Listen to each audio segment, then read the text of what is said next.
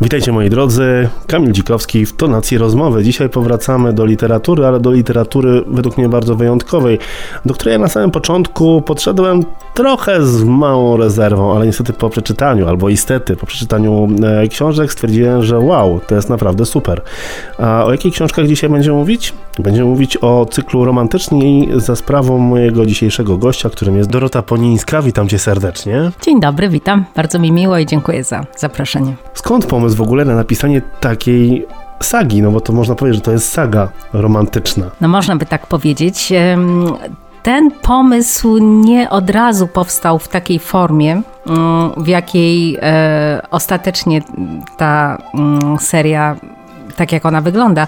No zaczęło się skromnie od tego, że chciałam napisać o e, Wilnie, o atmosferze tego miasta, które lubię bardzo i o początkach romantyzmu. Mm, wydawało mi się, że to, że to jest ciekawe, a nie ma w polskiej literaturze w powieściowy sposób e, przedstawionego tego okresu. On jest dla nas bardzo ważny, przełomowy i, i ciekawy. Mm, no więc w ten sposób e, powstała pierwsza część, czyli romantyczni, która mm, dotyczyła właśnie narodzin romantyzmu w Wilnie. No i potem doprowadziłam tę opowieść do e, wybuchu powstania listopadowego i jego klęski. No i właściwie pomyślałam sobie, że tak naprawdę ten romantyzm taki poważny, dojrzały, bujny, ciekawy zaczyna się dopiero wtedy w Paryżu na emigracji i że warto się temu przyjrzeć i że warto się zmierzyć z tym e, paryskim emigracyjnym, dojrzałym romantyzmem. No więc napisałam i tę część. No i mm, spodobało mi się, nie chciałam się rozstawać z tym światem, nie chciałam porzucać tych bohaterów. E, I pomyślałam sobie, że dobrze byłoby również dopowiedzieć e, o tym, e, co miało miejsce mm, na wschodzie, na zesłaniu, ponieważ część z tych romantycznych bohaterów trafiła po powstaniu listopadowym na emigrację mm, na zachód, ale część również była zsyłana na Sybir e, na skutek różnych tam wydarzeń historycznych. No i te, te syberyjskie losy wydały mi się również ciekawe bardzo. Romantyzm bardziej kojarzy mi się, o czym wspomniałem wcześniej, ze szkołą, bo ja miałem takie pierwsze, takie, pierwszą taką myśl, że o, szkoła. Ale z drugiej strony, jak zacząłem czytać właśnie tą książkę, to mm, jest bardzo interesująco, o czym ci też ci powiedziałem, że sztuką jest wciągnięcie czytelnika od pierwszego rozdziału tak w fabułę, żebyś chciał dalej podążać za głównym bohaterem. Myślisz, że my współcześni Polacy mamy co czerpać z romantyzmu? Jestem przekonana, że tak. E, dla mnie romantyzm nigdy nie był takim wyłącznie szkolnym tematem, kojarzącym się z jakimiś egzaminami czy, czy z maturą z polskiego. E, zawsze był e, mi bardzo bliski mm, z różnych powodów i jestem przekonana, że to jest wciąż taka skarbnica tematów, wątków dzieł, tekstów bardzo dla nas ważnych i z których rzeczywiście możemy czerpać również w tych zupełnie innych warunkach, w których się znajdujemy teraz. Nie tylko to jest przepiękny język, nie tylko to jest wspaniała poezja, która no, stanowi wzorzec wspaniałego języka polskiego, ale też jeśli chodzi o, o tematy i treści, to myślę, że mm, polski romantyzm zdefiniował dla nas bardzo wiele ważnych e, pojęć, sytuacji, mm, zagadnień, wokół których intelektualnie wciąż się obracamy. Możemy się do nich odnosić różnie, możemy krytycznie, możemy ta, polemicznie, ale, ale zostały zarysowane jakieś takie najważniejsze kwestie, które nas określają sama miłość romantyczna mm, dotyczy nas uniwersalnie i, i wciąż, ale również no, inne zagadnienia filozoficzne związane z wolnością, z, z miejscem Polski, ze słowiańszczyzną, z relacją z Bogiem. No, najróżniejsze rzeczy mm, bardzo ważne, bardzo uniwersalne. Właśnie romantycy po raz pierwszy tak wyraźnie i mocno e, sformułowali. Wspomniałaś o miłości romantycznej, więc e, miłość romantyczna to ta, która? No, z tą miłością romantyczną to nie było tak prosto, bo ona przede wszystkim była nieszczęśliwa. E, nie bardzo tam można było liczyć na happy end. Mm, trzeba było e, przeżywać te mm, rozterki różne miłosne, na ogół wbrew społecznym e, konwenansom, tak za, za, za młodym Werterem Goethego, który no jednak cierpiał w tej miłości, często ona się kończyła tragicznie. Więc to, to nie jest takie proste i sielankowe. No niemniej siła uczucia e, właśnie poza takim kontraktem małżeńskim, jak to, jak to wcześniej często bywało, e, siła uczucia i rola tego uczucia dla jednostki, no również w romantyzmie tak e, wyraźnie została sformułowana po raz pierwszy. No tak, romantyzm to taki można powiedzieć przede wszystkim patriotyzm, kult miłości, i młodzieńczy idealizm. Myślę, że te można, nie wiem, czy można to nazwać cnotami, czy je odnajdziemy na przykład teraz. Patriotyzm, 11 listopada, zazwyczaj wszyscy się zbierają w Warszawie, ale czy ten kult miłości, tego idealizmu w tym momencie, w tych czasach, no myślę, że jest ciężko znaleźć. No tak, żyjemy w czasach bardzo e, pragmatycznych. E, no niemniej wydaje mi się, że jednak te, te wątki mm, przez romantyzm właśnie opisane, zarysowane są uniwersalne i są ważne. Oprócz miłości, oprócz takiego patriotyzmu czystego, na pewno dla tych ludzi szalenie ważna była kwestia wolności. wolności, ale też e, tożsamości, poszukiwania tożsamości mm, własnej no, to jest wciąż aktualne i wciąż myślę, że zwłaszcza dla nas, dla Polaków, ta wolność jest jakąś taką jedną z podstawowych wartości ważnych i niezbywalnych. Tak sobie po przeczytaniu Twoich książek zacząłem sobie trochę szperać i patrzeć, e, czy też znajdę powiedzmy na polskim rynku wydawniczym książki, które są powiązane z romantyzmem. Nie znalazłem za dużo, ale wydaje mi się, że chyba ty jesteś taką prekursorką tego, żeby pokazać ten romantyzm trochę szerzej. Ja mam takie trochę wrażenie, że po przeczytaniu Twoich książek, że to jest naprawdę bardzo fajny nurt, który możemy eksplorować i dużo z tego wyciągnąć. Dlaczego właśnie niektórzy pisarze o tym praktycznie nie piszą? Bo naprawdę jest z czego czerpać. Prawdę mówiąc, ja się też trochę dziwiłam wcześniej, czemu pisarze z tego nie czerpią, bo wydaje mi się, że to jest przebogaty materiał historyczny. Natomiast właśnie nie tak, y, nie tak y, gruntownie opisany. Aczkolwiek tych, tych książek związanych z romantyzmem pojawia się coraz więcej, bo są na przykład narzeczone Chopina, są również, e, jest, jest powieść e, pana Cezarego Harasimowicza Adam, wydana niedawno w Lirze, więc no, pojawiają się takie pozycje, ale rzeczywiście nie ma ich tak wiele. No, być może, e, być może rok romantyzmu, który mm, obchodziliśmy teraz i który powoli się kończy, no być może zwróci trochę uwagę na, na romantyzm i pokaże tę epokę jako no, takie właśnie przebogate źródło różnych e, inspiracji, sytuacji, do których możemy wracać. Znaczy z tym romantyzmem było tak, że on potem był, jak wiadomo, poddawany mm, bardzo takiej szerokiej krytyce, e, zarówno przez pozytywistów, czyli ich, ich następców, prawda, no, na zasadzie takiego wahadła, które się trochę w drugą stronę wygina, był, był krytykowany przez nich. Mm, no i potem ta prześmiewczość Gombrowicza też, który tam się naśmiewał, prawda, z, z tego romantyzmu, który ma zachwycać, a nie zachwyca. I, i potem wiele jeszcze innych e, odniesień. Mm, no więc, więc jakby romantyzm jest przyzwyczajony jakby do takiego krytycznego bardzo podejścia, ale mimo to wydaje mi się, że jest taka siła e, myśli, idei tych ludzi, że, że on ciągle wraca on ciągle w nas jest i on ciągle nas mm, no jakoś współtworzy. Maurycy Kamienicki, postać fikcyjna, ale czy tak do końca? Czy może ma, e, może nie do końca e, odzwierciedlenie w życiu realnym, ale czy to jest, nie jest zlepek kilku bohaterów? E, no, to jest postać rzeczywiście fikcyjna i to jest taki bohater właściwie modelowy, to jest taki trochę romantyczny everyman, jak gdyby. To znaczy taki człowiek, który mm, ma biografię typową dla swojego pokolenia, dla, dla swoich rówieśników w Wilnie. Czyli on jest pochodzi z niezbyt zamożnej rodziny szlacheckiej, e, jest studentem Uniwersytetu Wileńskiego, przystępuje do Związku mm, Filaretów. E, no i przechodzi taki, taki, taką drogę typową właśnie dla, dla swoich rówieśników. Bierze potem udział w powstaniu listopadowym i trafia na emigrację w Paryżu. Nie jest to biografia wzorowana na jakiejś konkretnej postaci, ale rzeczywiście jest to przykład takiego człowieka e, bardzo reprezentatywnego dla, dla swojego pokolenia. W, w, jego konstrukcji chodziło mi przede wszystkim o to, żeby on był taką osią fabularną, wokół której ja zbuduję tę historię i będę mogła pokazać te prawdziwe, rzeczywiste, historyczne postaci, z którymi on mógł się zetknąć, no i z którymi w powieści się zetknął.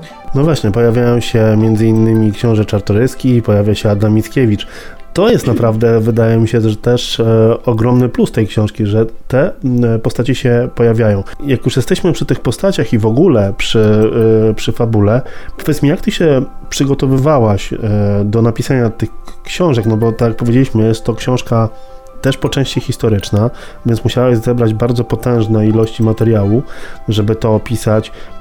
Będziemy też później mówić o tym, że udałaś się też w jedno bardzo ciekawe miejsce, między innymi. I czy podczas pisania tych książek i zbierania tych materiałów było coś, co Cię zaskoczyło?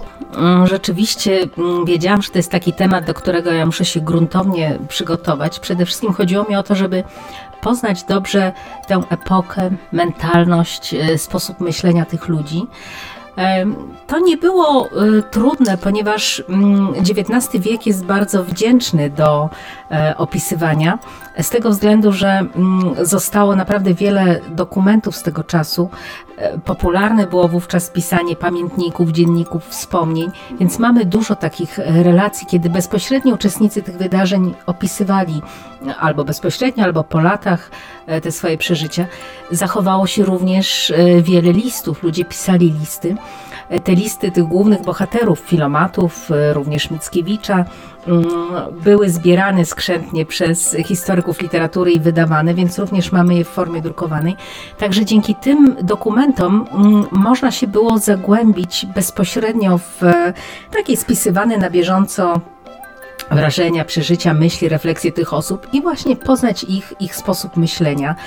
E, nie tylko wydarzenia, ale też ich motywację, ich, ich stosunek do tego, co się działo. To było bardzo ciekawe, bardzo interesujące.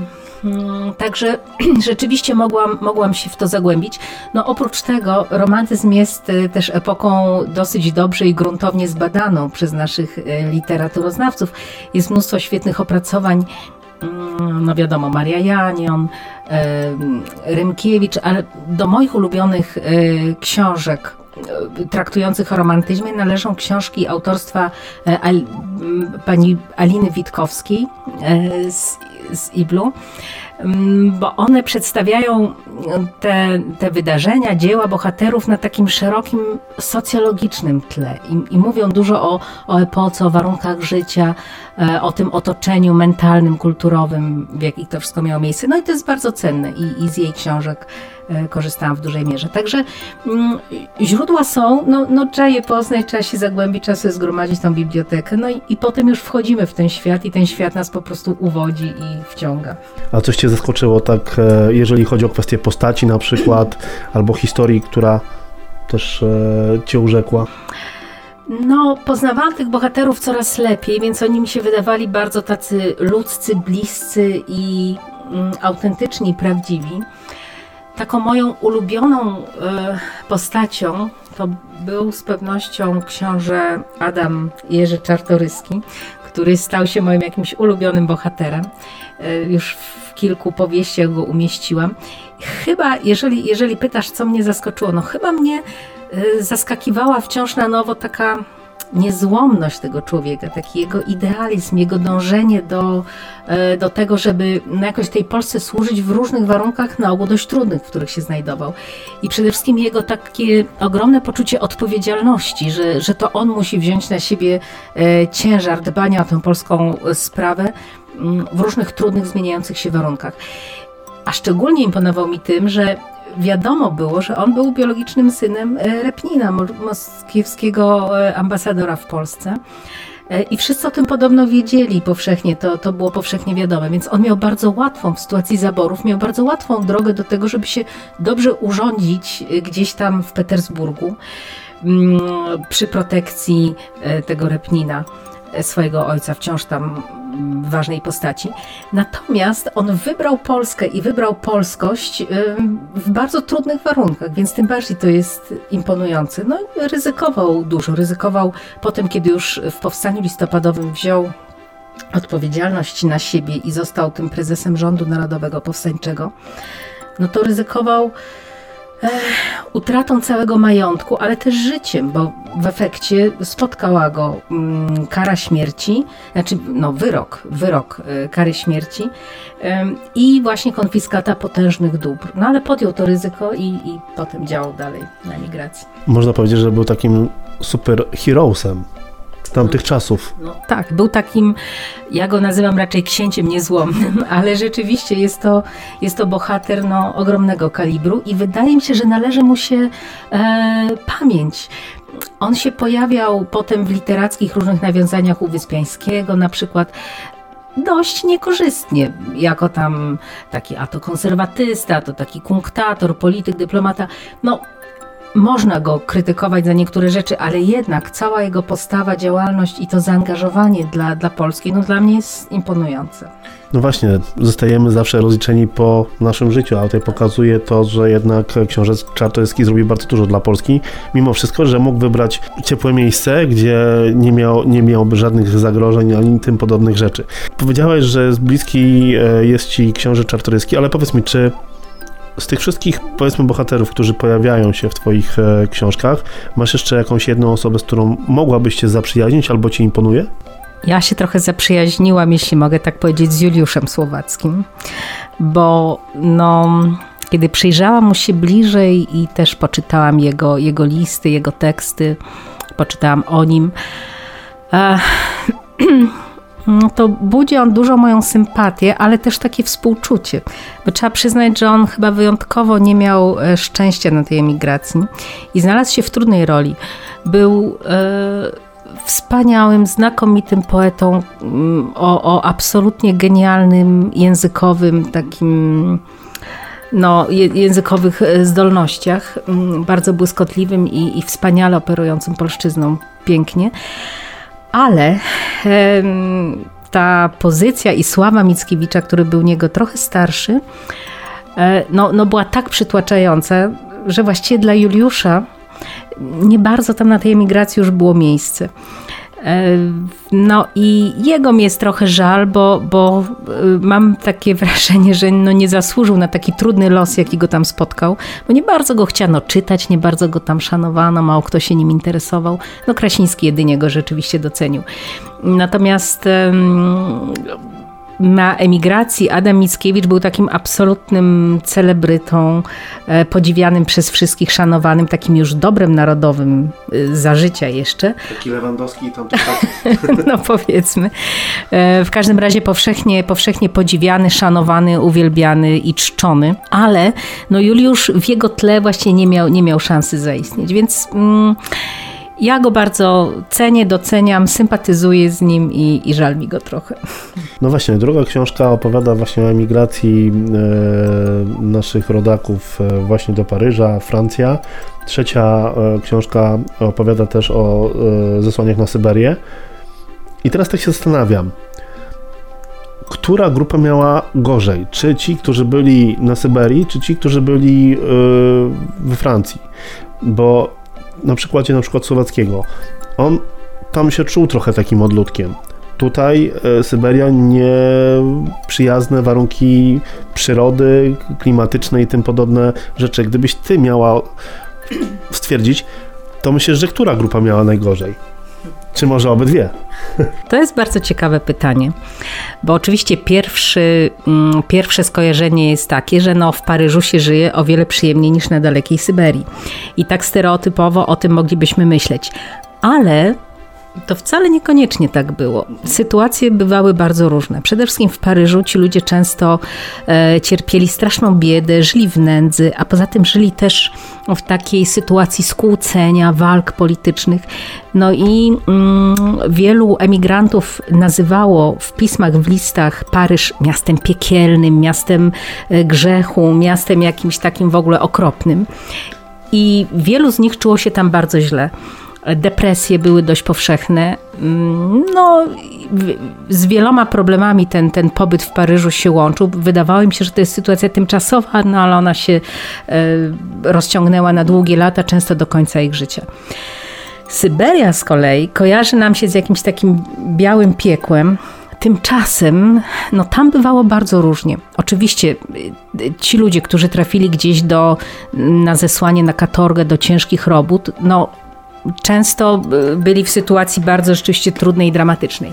Ale nie ze wszystkimi tak było. Właśnie paradoksalnie czasem dla niektórych zesłańców e, ta Syberia okazywała się krajem ciekawym i takim, gdzie oni budowali bardzo szczególne więzi. Tam coś takiego miało miejsce, że na przykład zanikały takie hierarchie, sztywny e, taki podział społeczny, który w Polsce był odczuwalny. Tam zesłanie zrównywało tych ludzi, czyli najwięksi arystokraci, książęta, którzy, którzy również czasem tam trafiali za, za udział w walkach czy w spiskach właściwie byli takimi e, samymi zesłańcami jak, jak ludzie trochę niżej um, urodzeni i między nimi była duża solidarność.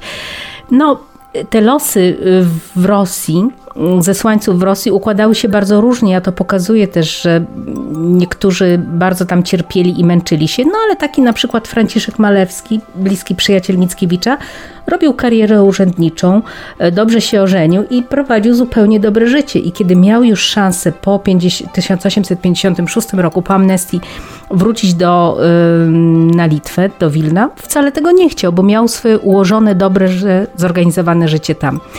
Co więcej, ci zesłańcy, którzy trafiali na Syberię, bardzo często tworzyli takie wspólnoty, które były bardzo solidarne, gdzie bardzo się wspierali, pomagali sobie. Na przykład taką mm, wspaniałą postacią, która odegrała y, znaczącą rolę wśród tych powstańców y, syberyjskich był Antoni Beaupré, y, doktor z Krzemieńca, przyjaciel Salomei Słowackiej i również Juliusza Słowackiego, który został zesłany za udział w spisku konarskiego, także jako konarszczyk tam trafił. No ale ponieważ był znakomitym lekarzem, to ci nadzorcy jego szybko się zorientowali, że zamiast go używać do fizycznej pracy, to szkoda po prostu takiego człowieka, to znacznie lepiej korzystać z jego wysokich kwalifikacji lekarskich, więc on tam został lekarzem i leczył, ludzie zjeżdżali się z szerokich e, okolic do niego, bo był po prostu znakomitym lekarzem.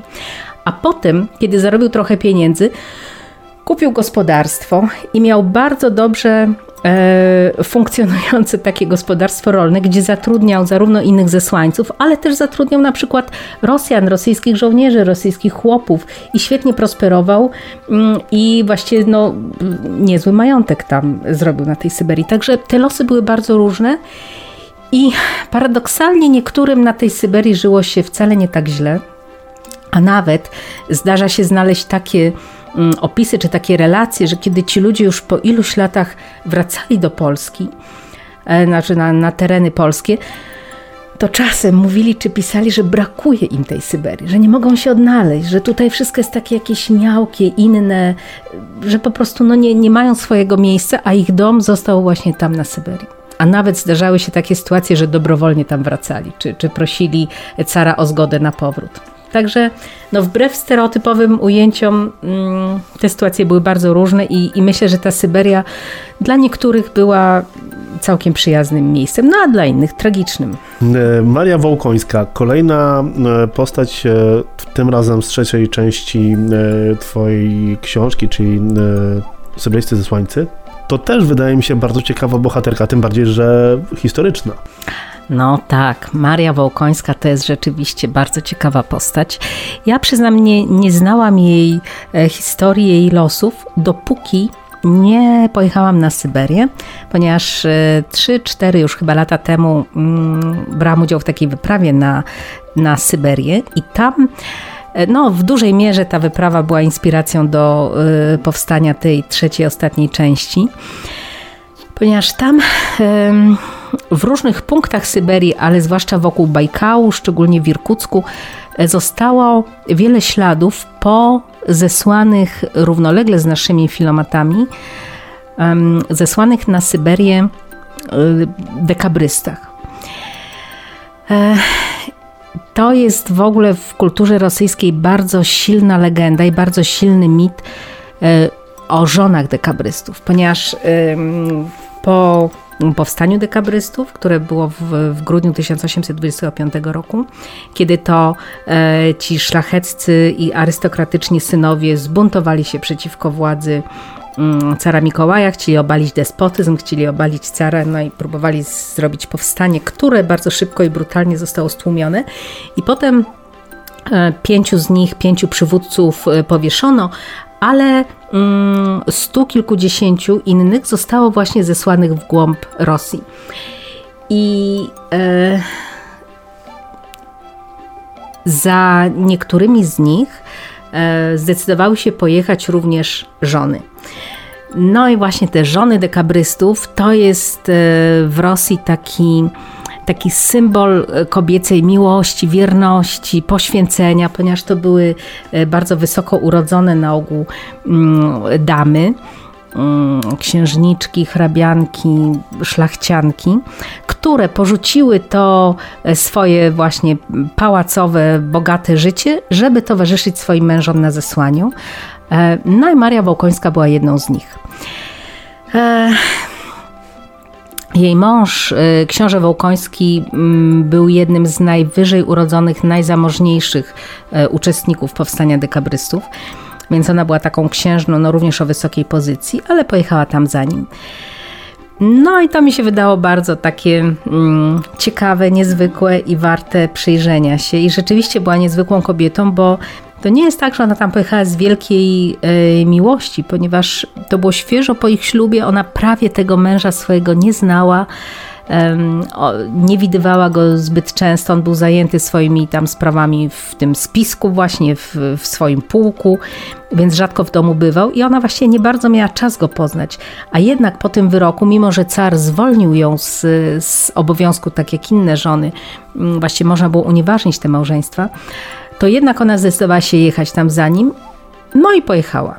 I jak tam jej się żyło na tej Syberii, to można przeczytać w książce. Już nie będę tego opowiadać dokładnie. Powiedz też o swojej właśnie wyprawie na Syberię. Co cię zaskoczyło? Czy miałaś okazję jechać koleją transsyberyjską?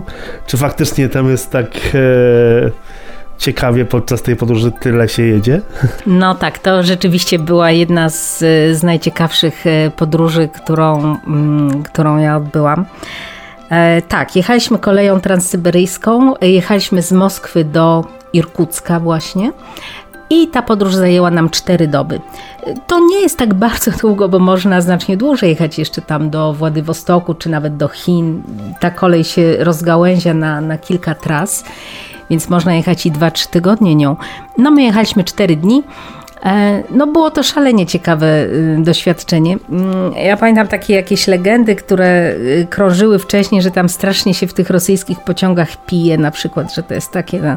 Ale nic podobnego. W tej chwili jest tak, być może tak kiedyś było, ale w tej chwili jest tak, że tam picie alkoholu jest właściwie zabronione, nie można pić swojego alkoholu. I człowiek, który jest pod wpływem alkoholu, to jest na najbliższej stacji wyprowadzany z pociągu i zostawiany tam. I rzeczywiście taką sytuację widzieliśmy, więc to, to nie ma żartów, no bo nagle gdzieś tam w szczerym polu, w środku stepu można się znaleźć w środku nocy, więc bardzo się to odbywało wszystko tam kulturalnie i w cywilizowany sposób. Jest czyściutko, te pociągi są sprzątane i tak dalej. No to jest szalenie ciekawe, ponieważ y, wyjeżdża się z tej europejskiej jeszcze części Rosji, no jedzie się coraz bardziej w głąb Azji e, i coraz bardziej mm, te szerokie pola jakieś uprawne rosyjskie zmieniają się właśnie w stepy, w, w, jakieś takie w ogóle bezkresne mm, łąki, nieużytki, lasy. No i właśnie stepy. I coraz bardziej ta Azja jest e, taką, taką krainą wschodnią, tajemniczą, dziwną. E, ludzie również coraz e, bardziej wyglądają tak azjatycko. Bardzo ciekawe doświadczenie i bardzo ciekawa podróż. Powróciłabyś na Syberię? Och, z przyjemnością, oczywiście. Mm, to jest, to jest szalenie ciekawe miejsce. No myśmy mm, byli wokół Bajkału, i tam zetknęliśmy się z tym, z tym całym bogactwem kulturowym tej ziemi, która jest taką krainą bardzo wielokulturową i wielo również wyznaniową. Tam po okresie, no wiadomo, tej przymusowej ateizacji w Związku Radzieckim, od lat 90. następuje mm, takie duchowe, religijne odrodzenie. A akurat w Buriacji, w której byliśmy, występują obok siebie trzy religie. No jest oczywiście mm, kościół, znaczy mm, cerkiew prawosławna, ale także są mm, Buriaci, którzy wyznają e, szamanizm tradycyjny i on jest żywy, on się również odradza i, i tych szamanów jest tam wielu praktykujących i również są wpływy buddyzmu y, tybetańskiego, także są lamowie tybetańscy. No i, i, i są takie piękne drewniane e, klasztory buddyjskie. Bardzo ciekawe miejsce. No powiem Ci, zaskoczyłaś mnie, że aż mam sam ochotę pojechać na Syberię. E, powiedz mi, planujesz e, powrót do, można powiedzieć, uniwersum romantyzmu? Znaczy, myślę, że chyba już nie, ponieważ mam takie wrażenie, że te rzeczy, które wydawały mi się najciekawsze i ci bohaterowie najważniejsi dla mnie, że ja już to wszystko opisałam i mam poczucie, że no, zamknęłam już ten temat. Zajmowałam się tym przez 6 lat ostatnich, to jest dość dużo. E, bardzo to było ciekawe, interesujące również dla mnie, takie pouczające, ale chyba już koniec i chyba czas na nowe jakieś tematy. No właśnie, jak jesteśmy przy nowych tematach, to czy ty masz gatunek literacki, z którym chciałabyś się zmierzyć jako pisarka? Ja się dobrze czuję w tych powieściach historycznych i lubię powieści historyczne, to znaczy lubię w przeszłości szukać korzeni tego, co mi się wydaje ciekawe i ważne dziś. I idąc tym tropem, myślę, że ja zostanę nadal chyba w kręgu XIX wieku, ale może troszkę później. No i będę się przyglądać tam różnym takim zjawiskom, które mi się wydają ciekawe, ale właśnie w XIX wieku. Jakoś mi się trochę trudniej pisze o współczesności, bo nie wiem, nie mam do niej takiego dystansu, czy nie mam jakiejś takiej wizji spójnej. Wolę, wolę przeszłość, która jest już lepiej opisana, zbadana. I... To może przeszłość? No przeszłość, tak, tak, tylko przeszłość. Bardziej, tak. Tylko bardziej chodzi mi o te, wiesz, o czym rozmawialiśmy wcześniej. Plemiona słowiańskie, poganizm. No tak, to, to jest taki, taki nurt. To jest ciekawe. Tak, ja troszeczkę tego dotknęłam w pierwszej części, e, pisząc o e, postaci Zoriana Dołęgi Chodakowskiego, który był takim prekursorem badań nad dawną e, słowiańszczyzną i to, to mi się wydawało bardzo ciekawe. No ale nie mam aż takiej wiedzy szerokiej, żeby to jakoś tak głęboko opisywać, ale cieszę się, że takie książki powstają, że są takie powieści i że, i że ta słowiańszczyzna powraca jako e, takie nasze dziedzictwo no, z którego ja wiem, no może zaczynamy być dumni też, bo to jest nasze własne i takie trochę inne niż, niż, ten, e, niż inne mm, europejskie e, kultury dawne. Powiedzieliśmy o książkach. Teraz jeszcze na chwilkę wrócę do, mm, do romantycznych bohaterów. Gdyby na przykład została złożona Ci propozycja nagrania superprodukcji audio, kogo byś wybrała do roli Maurycego i na przykład Marii? Wiesz, no nie zastanawiałam się nad tym, prawdę mówiąc, to znaczy Maurycy jest dość młodym człowiekiem, więc to musiałby być ktoś z młodego pokolenia aktorów, których ja chyba tak bardzo dobrze e, nie znam. Mm, no, znam na przykład Huberta Miłkowskiego, który jest fantastycznym aktorem młodego pokolenia i, i z pewnością by e, znakomicie sobie poradził mm, z tym. Natomiast, no nie wiem, przyznam, że kiedy myślałam o jakichś takich produkcjach, czy audio, czy na przykład e, filmowych, bo to by było dopiero super. No i zastanawiałam się troszeczkę nad obsadą, to ach, taką miałam wizję, że byłabym zachwycona, gdyby mojego ulubionego księcia czartoryskiego zgodził się zagrać pan Marcin Dorociński właśnie o którym też rozmawialiśmy e, trochę przed nagraniem. No, e, widziałam go absolutnie w tej roli, no ale teraz pan Marcin oczywiście robi. Mm, już karierę wielką międzynarodową, fantastycznie. E, no takich planów filmowych w związku z romantycznymi no nie ma na razie przynajmniej, ale no byłoby to coś cudownego i coś wspaniałego. No ja będę trzymał kciuki. No dziękuję, ja też. A Marcin Dorociński już 13 stycznia będziemy mogli go zobaczyć w serialu Wikingowie Valhalla, gdzie będzie wcielał się w rosyjskiego cara. O, proszę bardzo, no cudownie. Dobrze, Dorota, tak na koniec, jakie kolejne plany wydarzenia wydawnicze od ciebie? Jeszcze nic y, takiego precyzyjnego, o czym mogłabym powiedzieć. Y, ja z pewnością będę dalej współpracować z wydawnictwem Lira, ponieważ no, wspaniale się ta współpraca układa, ale mm, nie mam nic takiego, o czym mogłabym powiedzieć. Trochę potrzebuję e, przerwy od tego romantyzmu i e, takiego urlopu, ale też e, zagłębienia się w nowe obszary, w nowe tematy i po prostu poszukiwań. Mm, ja się staram zawsze zbadać dość tak rzetelnie i gruntownie te tematy, o których chcę pisać, więc to mi po prostu zajmuje czas. Więc tak bardzo szybko nowej książki nie będzie, ale na pewno będzie z czasem. Ten rok się kończy, więc powiedz mi, czego możemy Ci życzyć w nadchodzącym roku? Zdrowia. Zdrowia, dziękuję. No na pewno y, takiego dobrego wykrystalizowania tych nowych tematów i nowych obszarów, o których chciałabym pisać, ale gdybyśmy mieli tak już... Yy, maksymalnie z tymi życzeniami polecić, to ja, to ja bym bardzo prosiła o życzenie jakiejś jednak adaptacji filmowej, bo to by było coś cudownego. No ja będę trzymał kciuki. Moi drodzy, dzisiaj moim gościem była Dorota Pońska, autorka e, sagi związanej z polskim romantyzmem. Książki, e, które wam gorąco polecam i warto udać się do księgarni i sięgnąć po pierwszą, drugą, trzecią książkę Doroty, ale też i wcześniejsze książki, bo tam też wiele ciekawych e, historii e, znajdziecie.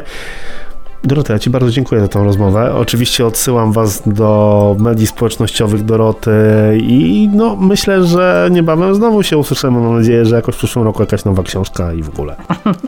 Ja również bardzo Ci dziękuję, Kamilu. Bardzo dziękuję za zaproszenie, za ciekawe pytania. Bardzo mi było miło porozmawiać z Tobą. Dziękuję.